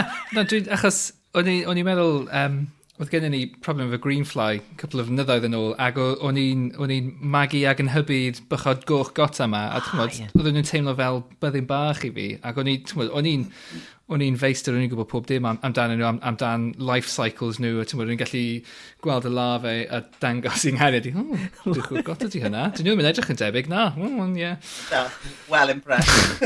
oh, yeah, oedd, yeah. Hi highlights garddio fi flwyddyn yma ydi gyrru negas i Adam Drian. Mae'n siŵr bod o'n gytid bod fi'n hamro fo bob nos efo bath newydd, ond dda, um, neithiwr neu echnos yn gyrru... Adam, sy'n fawr weird os fyswn ni'n tynnu llun o cachu a gyrru fo i chdi, a i chdi gael ani, abod yr anifel sydd wedi wneud o. Ar, be di'r ateb cywir? Ar fod, ar fod ddim atab, ond ar fod like, ar fod like message. so nes i yrru fo anyway, a just, digo, di, di, diolch beth, o'n i'n meddwl allygod oedd o'n diolch beth oedd worm castings oedd nhw. So mae worms yn gallu gwneud loads o pŵ uwch ben y tir hefyd, so, then, ama wow, amazing things. OK, sut i ti yn um, cadw fel, um, beth, beth ti'n gadw, uh, beth yw'r pili palas gwyn yna, uh, cabbage whites, ynddo fe? Cabbage whites. Dwi di... Mae ma gen i top tip i gadw nhw off oh? the lush okay. hefyd. Um, Go on yn chwarae podlediad atyn nhw. Amser, yr un yma. Ys i i Zeland newydd uh, nôl ar drod y ganrif, a dim arian gyda fi a, a Lisa, um, tra bod ni fyna. So dyma ni'n mynd a ymuno a be maen nhw'n galw nhw'n woof, Willing Workers on Organic Farms, fath o sefydliad lle chi'n talu tenor a chi'n gallu mynd i aros mewn ffermydd a small holdings bach. A wnaethon ni fynd i un lle, i'r de o Dunedin, um, ar, ar, ar, ar, yr ynys ddeheuol, a aros gyda boi o'n nhw Bill oedd oedd e probably yn gant a 20 oed, uh, a'i bet bod y dal yn fyw heddiw, a oedd gyda fe fel dig, dig erw, a oedd e wrth y môr, oedd yna penguins ar y troeth, uh, a oedd e'n defnyddio, ac oedd e'n gweud, peth gorau i gadw fath o pryfed chi ddim eisiau, oedd i ar eich crops, yw gwymon. O, oh, okay. So os ti'n gallu, os ti'n gallu mynd at y troeth, a casglu gwymon, a roi o, o gwmpas dy lysiau di ar dy raised beds, neu, wnaeth hwnna gadw fel, uh, ti'n lindys a cabbage whites i ffwrdd. Briliant, uh, dwi'n mynd i neud yna. A, a yeah. veg, ni'n ogladd a fish, ond diom och. Yeah. Wel, ti'n mo, So, gwybod, fi'n fi eitha hoffi yr arogl o'r, or, or, or, or môr ger uh, lan yn y mynyddoedd, bys oedd eitha cool. Iawn, mae'n effeithiol, mae'n fe'n effeithiol iawn. Then, na, na, nethon ni neud e am gwbl o flynyddau, ond, ti'n mo, fel mae pethau dros y blynydde chi, jyst yn methu bod yn as neu beth bynnag, ond... Nes i adeiladu... Ond ie, mae'n definitely gweithio. Nes i adeiladu caich dros cabbages ni ac anghofio'r top ar y bastard thing. So, oedd Ond oedd netting all the way around in really, a wedyn just, ah, yes. Ie, o'n i... Ie, dwi... O'n i, o'n i, um, o'n i wedi plannu bulbia tulips um, dros y gaeaf, ac o'n i wastad yn meddwl, reit, dwi angen neud rhywbeth achos mae wywerod yma just yn maen nhw'n hobman a jyst yn tynnu pob dim i fyny. Pob, pob bore ydych chi'n mynd allan a gweld bob arall ar y llawr a jyst methu, methu dod rownd at neud e. Just pob dim, pob dim job fel yna, dwi yn shit. Dwi, mae gen i, mae gen i syniad a dwi eisiau neud e. A fel, fel chymryd, gen i ni, um, uh, fel y child locks i roi ar cypyrddau yn y gegin, fel bod, fel bod y merch ddim yn gallu mynd mewn.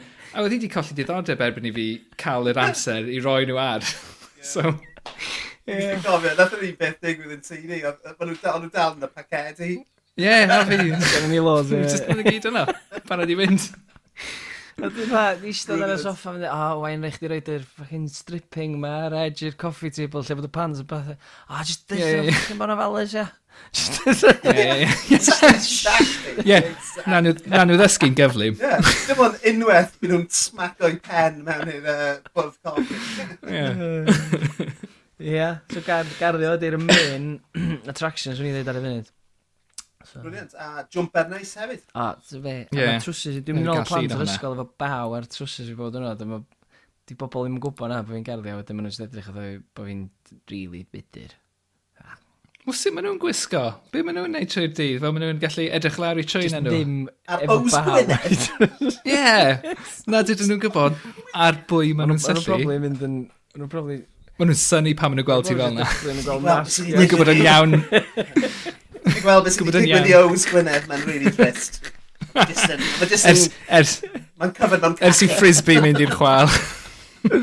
Oh, frisbee gren. Ie, yeah, dwi wedi clywed bod e'n ffonio aelod arall frisbee i gael, uh, i gael nhw nôl at ei gilydd, ond does neb yn ateb y ffôn iddo fe. Zoom calls, di bod ddim ddim yn ymwneud. E. O, oh, ddech chi'n flaen, mae un o'r ogian prodi yn... July neu August, the best man. So, Diwedd o. Dwi'n cofio... Dwi'n wedi, ie, dwi'n wedi cael ei symud nôl neu. A dwi'n dwi'n siarad trefnu stag ar y funud, mae hwnna'n ma hwnna bach o nightmare be. As in, dwi'n neb yn gwybod be, pwy fydd i cael vaccine, lle ti'n gallu mm. mynd, os fydd pethau'n gorad. Ie, yeah, faint o bobl sy'n cael fod yeah. yno. Chymod, falle, falle chwech person, falle ugen yeah. person. Ti fe a couple of strippers, hews. Ie. Na.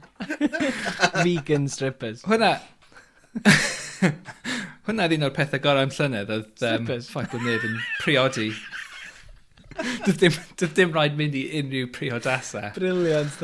Oh. Dwi'n lyfio priodas. Ag crebrwn, actually. Oh, ie, yeah, ond os gen ti, os gen ti chwech mewn flwyddyn, oh, yeah. mae'n gormod weithiau. ti'n Mae, ac dwi'n rhoi dran yna pan mae pawb yn priodi. Gen i'm, gen i'm digon o friends. Neu, actually, de, ddim rei sydd eisiau priodi, neu ddim... Dwi'n mwyn gwybod beth ydi o, actually. Yeah. Wel, ffrind, ffrindiau nghariad i sy'n cael ei priodi, nid fi. Ie, Sgen i ddim ffrindiau gwaith. Ie, dyna, dyna. Ie. Dwi just yn hang around. Mets, Plus one. Gwenna, gwenna, pyn met chdi'n di priodi? Dim bo. Dyna gyd yn very non-committal. Ti'n briod? Ydw, nath ni, um, nath ni brodi yn 2012 yn Nant Gwrtheun. Best Days of Life. Ah, Classic. Oh, amazing. Absolutely amazing. Unrhyw pawb, pawb sy'n siarad Cymraeg och y Cynarfon. Ie. E? Just trwy hynny. Llaeth o ddysgwyr i uh, Llenbu'r Seddi. Gan fod gen ti ddim ffrindiau. no, no, no, absolutely. Go iawn, maen nhw'n dweud best day of life yndi, cyn i plant gyrraedd efo fel ad ydi. So, a oedd o, oedd o mm. definitely yn. A wedyn sa neb yn gallu, sa neb yn gallu paratoi chdi am plant wedyn, agos. Ie, yeah. exciting, ddech di'n iawn sti, ddech di'n iawn sti. Na, na, mae'n fucking nightmare. Mae'n anodd. Pam nes i fe tair gwaith i'r cwestiwn Ie, yna? Yeah. Dau... Dau waith am mistake. Sa sawl damwain. Ie. Ddim cysgu yeah, am blynyddoedd. Os o'n i'n mynd, dwi'n meddwl fydd yr, er, er fengan tyfu fyny yn gwybod na damwain di. Ond the best one ever, mae hi'n hilarious. Mae'n canu, mae'n canu mm. Frozen yn barod fatha'n 15 months. Dwi'n meddwl ni'n oh, glyfrach, yeah. ni'n mynd mynd i fo'n glyfrach na fi in the next couple of years, so then scary. Mae'n ma, hariad i tua 19 mis yn iengach na'i chwaer hi, a uh, mae thad hi yn galw hi My Charming Era. in ja, a mae'n hapus yn o'n dweud sorry i fath o, ti'n fawr, burst your bubbles, boys, ond o'ch chi, oedd y ddau oedd chi yn gan camgymeriadau. Probably. Fel, well, fel yeah. oedd pretty much pob un ohono ni. Neu, actually, dim pob un ohono ni, 50% o'r boblogaeth y byd. Ydy o'n fwy... Ydy o'n fwy disconcerting i wybod bod dy rieni di actually trio cael chdi then? Achos pam ti'n... Ie, yeah, achos mae hwnna'n bwrpasol yn hytrach na bod ni jyst yn mynd ati. Ie, yeah, athyn ni llofft. A gathen ni fel, yeah, da ni wedi wneud o, am fisoedd. Bobl ddim yn gwybod na, mae average, um, average conception time os ti'n gallu o gwbl yn 18 months. So that, mae bobl yn meddwl... 18 seconds yn dda, does he? Wel dyna beth i thing, ti'n meddwl, achos ti'n meddwl, ti'n meddwl, achos mae ma, ma, ma pobl di cymryd y stigma allan o, o chmod, trafferth yeah. uh, conceifio, a mae hynny'n beth dda. Felly mae yna rhyw false sense of security weithiau yn does. Maybe, maybe, illa na i ddim am dair mlynedd, mae'n oce. Okay. Yeah. Just yeah, yeah. loads of sex oh, in the meantime. Na. Na. Yeah. Na. Maybe not.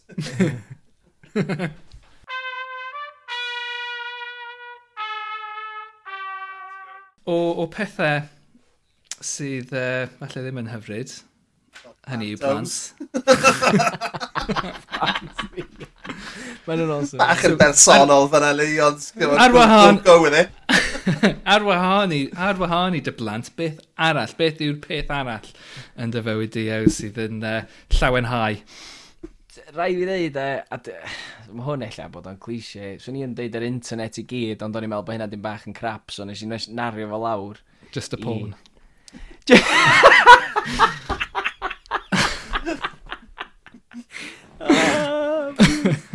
um, YouTube, actually. Ond, mm.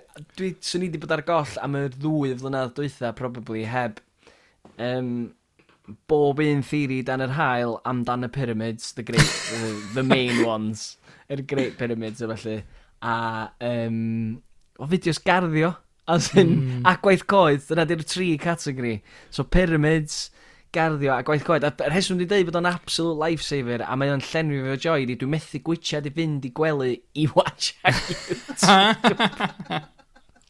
So, um, yeah, so, ar, yr un pyramid specifically, dwi wedi ffeindio cwpl o bobl efo lleisiau mor boring dwi'n disgyn i gysgu. So, mae'n dweud eich di peidio sbi ar ffôn chdi cyn mm. i gysgu, achos mae'r blue light bollocks, dwi'n mynd i gysgu yn well yn ganol fideo YouTube efo boi really mono, mono, mono be ti'n gael o?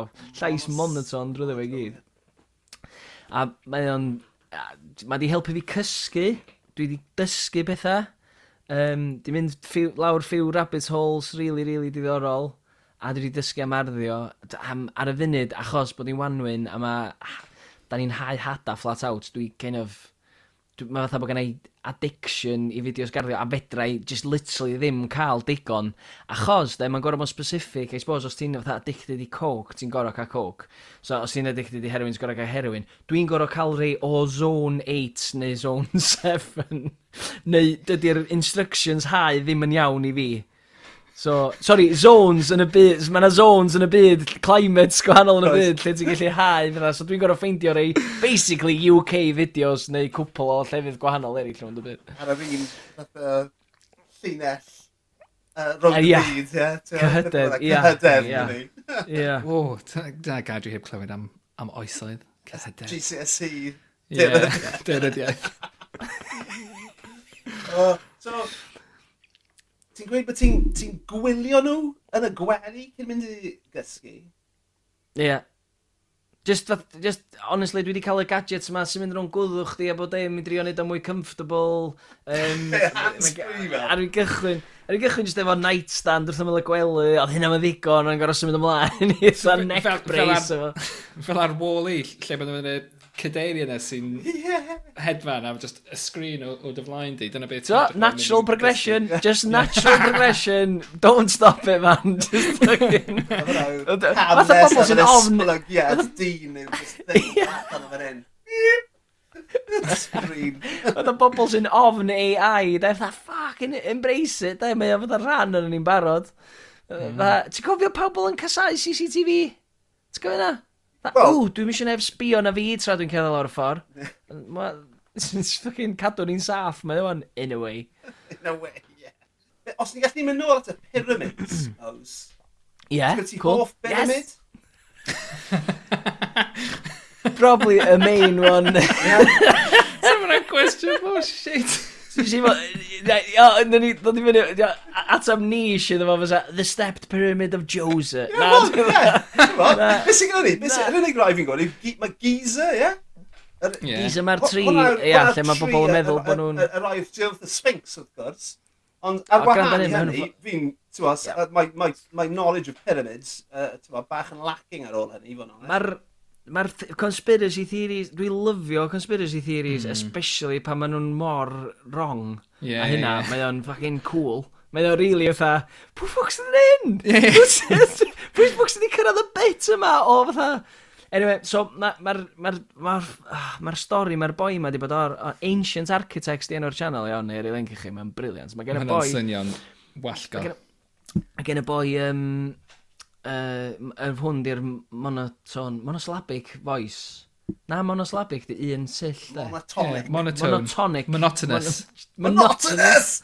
Boom. Wow, what a monotonous voice. Ond mae'n just atha, a mae o wedi, a mae'n cyfadda hyn, mae o wedi coelio mwy na lai bob theori a di investigatio bob theori o ancient power plant i aliens i um, bod nhw, a hwn, hwn, hwn yr un ar y fi kind of dechrau mynd lawr y rabbit hole a dechrau coelio, oedd bod nhw yn hun na 6,000 years, neu, neu hun na 4,000 years. Mae yna theori ma, um, o'r enw'r Younger Dryas Impact Theory, lle, um, a mae hwn, ma hwn yn wir gyda llaw, mae yna comets wedi hitio'r ddeiar tua 10,600 years yn ôl. A mae yna lot o bobl yn meddwl bod yna advanced um, uh, civilization wedi bodoli cynt. Ti wedi clywed am Atlantis a falle? Na, beth wedi clywed am Atlantis. Ia, ond o'n i wedi clywed am fucking Stargate Atlantis, ond o'n i wedi clywed am Atlantis, Atlantis, The Plato Atlantis. Ma, a ma... Fel fel Cantra Gwaelod. Wel, wel, hyn, hyn, mae hwn, ma hwn yn proper theory.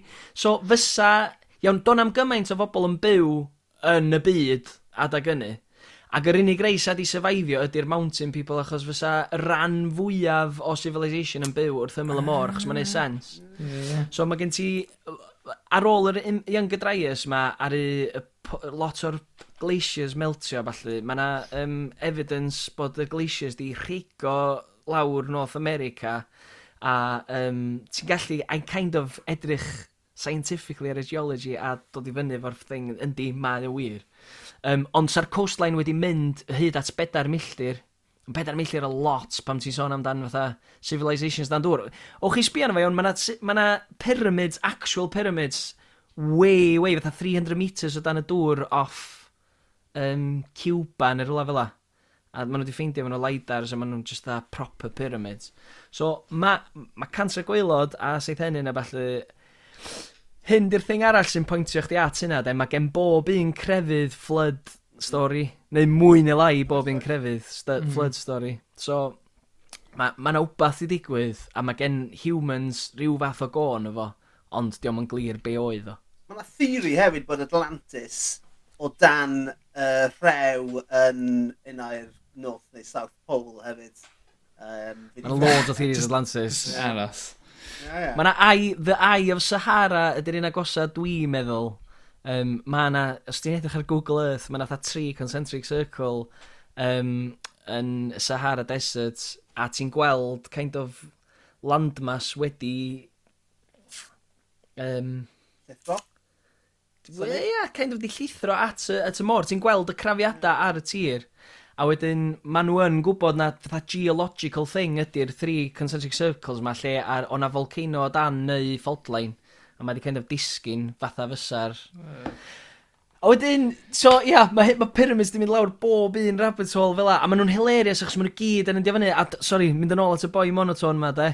Ddo'n deud, ddo'n cyfadda, dwi wedi coelio a di darllen fyny am bob un. And I've come to the conclusion that it was probably just built four and a half thousand years ago by people. yes, Amazing. man! Fucking life's work. Mae o'n geologist a bod dim ond, mae wedi mynd i coleg i ddysgu geology iddo fo cael fatha digio fewn iddo fo'n iawn. Mae yna un theori bod y Sphinx yn hun a mae hwnna yn proper geologically based. Mae'r water erosion ar yr fatha cavity around the Sphinx sa fo mond di gallu cael ei greu gan rhyw fath o rainwater storm, rainwater special, a di hwnna ddim yn bodoli yn yr aifft tan 12,000 years yn ôl. Ti di bod yr aifft, dawt? Na, dwi, mae hwnna definitely ar y bucket list, ond... Um, A oedden ni'n mynd i fynd fatha cwpl, ond oedden ni'n ofn achos ti'n clywed storys amdan bobl yn dwy'n graig chdi fydde. Ie, ti eisiau ar... Na gwyt. Bwcio, bwcio syth bin. Na, mae'n arfer yw... Um, maen nhw'n rhaid, ma nhw rhaid uh, partneriaid bobl ar camals. Oh, a wedyn... mynd off nhw? Ie, maen nhw'n mynd off. A wedyn ti'n dda... Mae'n digwydd yn Indiana Jones neu rhywbeth. Nid oes credu unrhyw beth mae'n clywed ar YouTube fi'n meddwl. Please don't take. Fi di bod i'r aifft. A nath hwnna ddim digwydd. Um, Yn anffodus. Oedd Lisa yn rhoi fi ar lot o gamelod, ddo, ac yn sort of treo can fi fynd, ond... Es Esti gisa, es di gisa plato. Do, na'r unig un fi'n lli cofio'n glir yw hwnna, a wedyn The Valley of the Kings oedd reit lawr yn bellach i'r dyr uh, uh, lawr y Nile. Ond man, on man am lot mwy o, o, o pyramids, a pyramids o, ti'n sydd ddim nes di grybwyll step pyramids yn America. Oes. Do. Ond mae yna step pyramids yn, yn yr aifft hefyd. Oes, y zigarats, maen nhw wedi ffeindio yeah. nhw yn Rysia bob man man. Hyn, hyn sy'n ar ei dal diddordeb fi oedd, obviously dwi ddim yn meddwl bod na civilization oedd yn siarad efo'n gilydd um, canodd, de, dega o filoedd yn ôl, e, heb sôn am canoedd. Ond, mae'n just weird bod na zigarats ydyn mm. nhw ziggurats, um, so just stepped pyramid i ziggurats, so sharp sydd yn fatha, fatha'r ben o beth arall. Pan ti'n meddwl amdano fo, mae'n just dim bach o weird o structure i fildio, ond i bai bod chdi yn trio ail neu mynydd, ond... Trio bod yn agosach at y ser, at, y, at y diwiau, ie? Yeah? Ella, ond on mae'r ma union un fath o structures yn popio fyny yn Peru, yeah. yn uh, Russia, yn China, a ti'n dechrau meddwl, oedden nhw'n pasio rhyw fath o... Mae yna yn Peru ac yn... Um, Oliate... Oliate... Oh, fuck, dwi'n mwyn cofio. Mae yna ma cwpl o lefydd, felly mae'r ma polygonal masonry maen nhw'n galw fe, iawn. So mae yna fucking creigiau anfarth 100 ton, weithiau 1000, na, di, di, Mae'r ma 1000 ton yn rhywbeth arall. Wbeth i wneud efo Romans oedd 1000 tons. Ond mae'r ma 100 ton plus cerig yma, de, a maen nhw wedi cael eu ffitio at ei gilydd mewn ffordd fatha sydd yn... Maen nhw'n kind of plygu fewn i gilydd. A mae'r ma, a ma, ma r masonry'n ridiculous achos maen nhw'n absolutely... Fe di ddim cael papur isla rhwngthyn nhw a mae hynna'n anodd fel exau'r coed, dwi'n gwybod hynna'n anodd efo coed, heb sôn amdan 100 ton thing, a dim tools gen nhw, da ni'n gwybod faint o bell yn ôl gen nhw iron tools sydd yn oed peth gorau sydd gen nhw, di fatha copper chisels a rhyw shit fel la, a it doesn't cut it. Oh, aliens. A mae hwnna wir amdan yr... Um... Aliens. Aliens. Yeah, na. right. na, ond da ni wedi colli rhyw fath o technology, neu da ni'n gwybod be nath nhw ddefnyddio. Um, Ella bod gen nhw rhyw fath o diamond-based tools yn beth o da, da ni'n gwybod.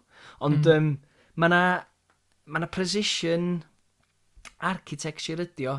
Mae'r Great Pyramid, mae yna pethau really, really weird am y Great Pyramid. Mae o o fewn um, one degree i true north, sydd yn really anodd pam ti ddim yn gwybod beth so dda, sgen ti'n cympawd neu beth bynnag ydy. Yeah, yeah. um, Mae'r, fel sa'r coed eto, dwi'n ffeindio hyn yn amazing, ydy, o, dwi'n meddwl, beth yna 10 cm o wahaniaeth iawn, sydd rhwng un gornal ag y gornal bella o ran lefel.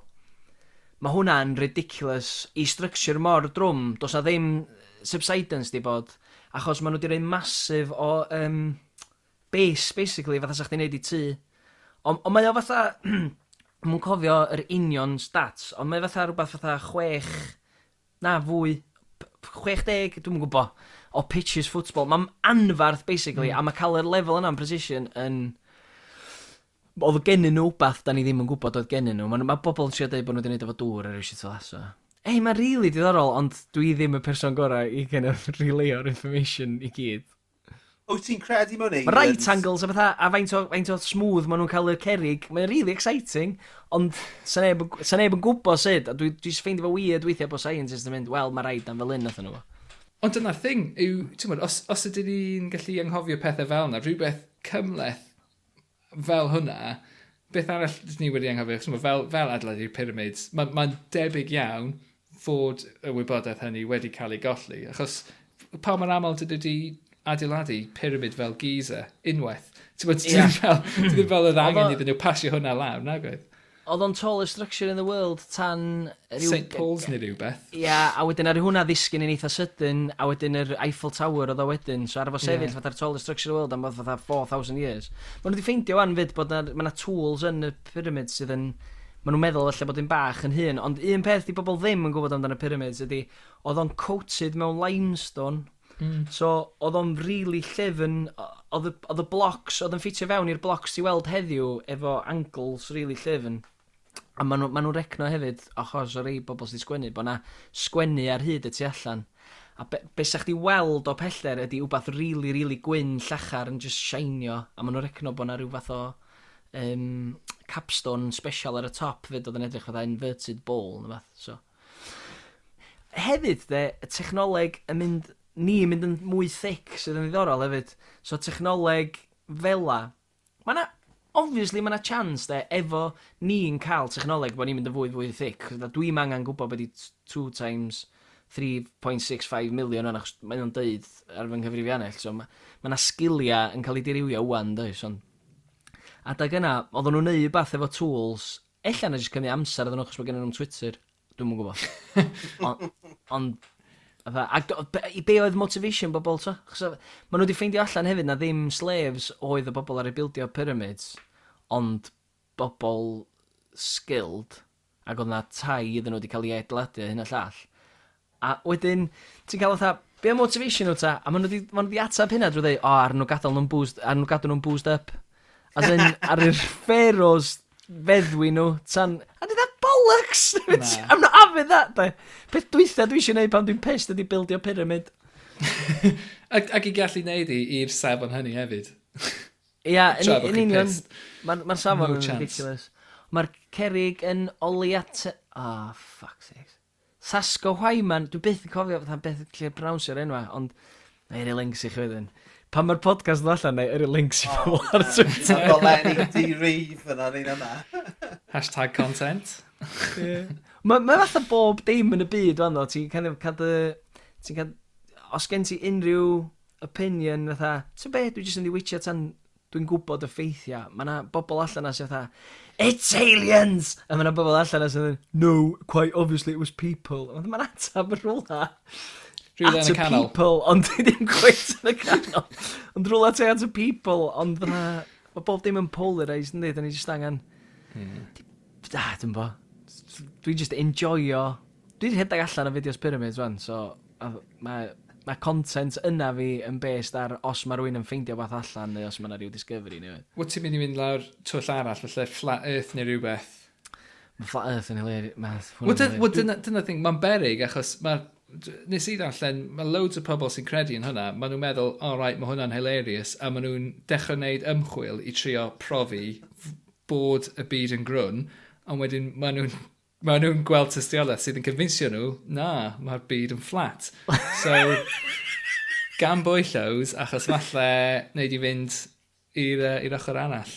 Yr YouTube algorithms hwnna, maen nhw wedi ma trwsio yeah, yeah. rhywfaint. Oedd y YouTube algorithms yn pwysio chdi at content oedd yn cadw chdi'n fwy engaged, hyd yn oed os oedd y content yn absolutely mm. bullcrack. Doedd.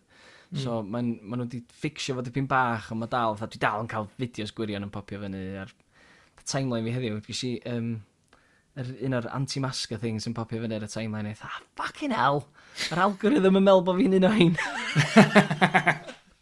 Na, dwi'n gwylio hwn yn ironic YouTube, come on. Neu am laff, de. Yeah, mae yeah, yeah. Mae na um, the Dendera light bulb, mae na Dendera light bulbs, un theori bod gen nhw light bulbs, a na'r oll ydy, dwi'n dda, rwy'n yn dal staff a mae'n edrych dim bach o light bulb.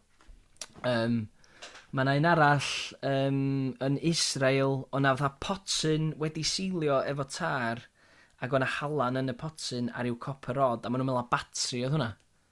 Oh. Yeah, um, yeah. So fo yn gallu cario charge, maen nhw wedi profi fo, ond fatha mond un ar nhw ffeindio fel ag oedd y lleill i gyd yn ddim fel a. So, so ie, yeah, be oedd nhw'n pweru efo'r batri, ddim yn gwybod, ond...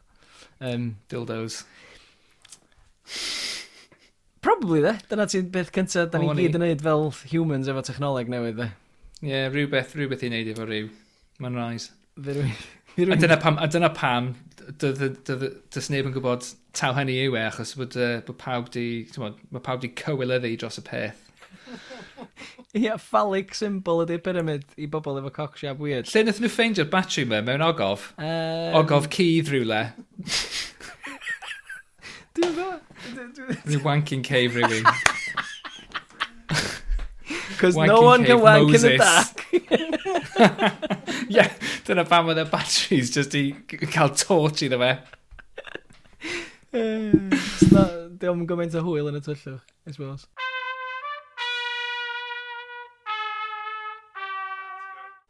So, oedd hwnna yn benod uh, arbennig. Diolch yn fawr i Ows Gwynedd am ei amser a'i ymynedd. Ac wrth gwrs, diolch i chi gyd am rando. Cofiwch i rhannu, tan ysgrifio a pethau fel yna. You know the drill. Tan y tro nesa. Ta-ta! Bye!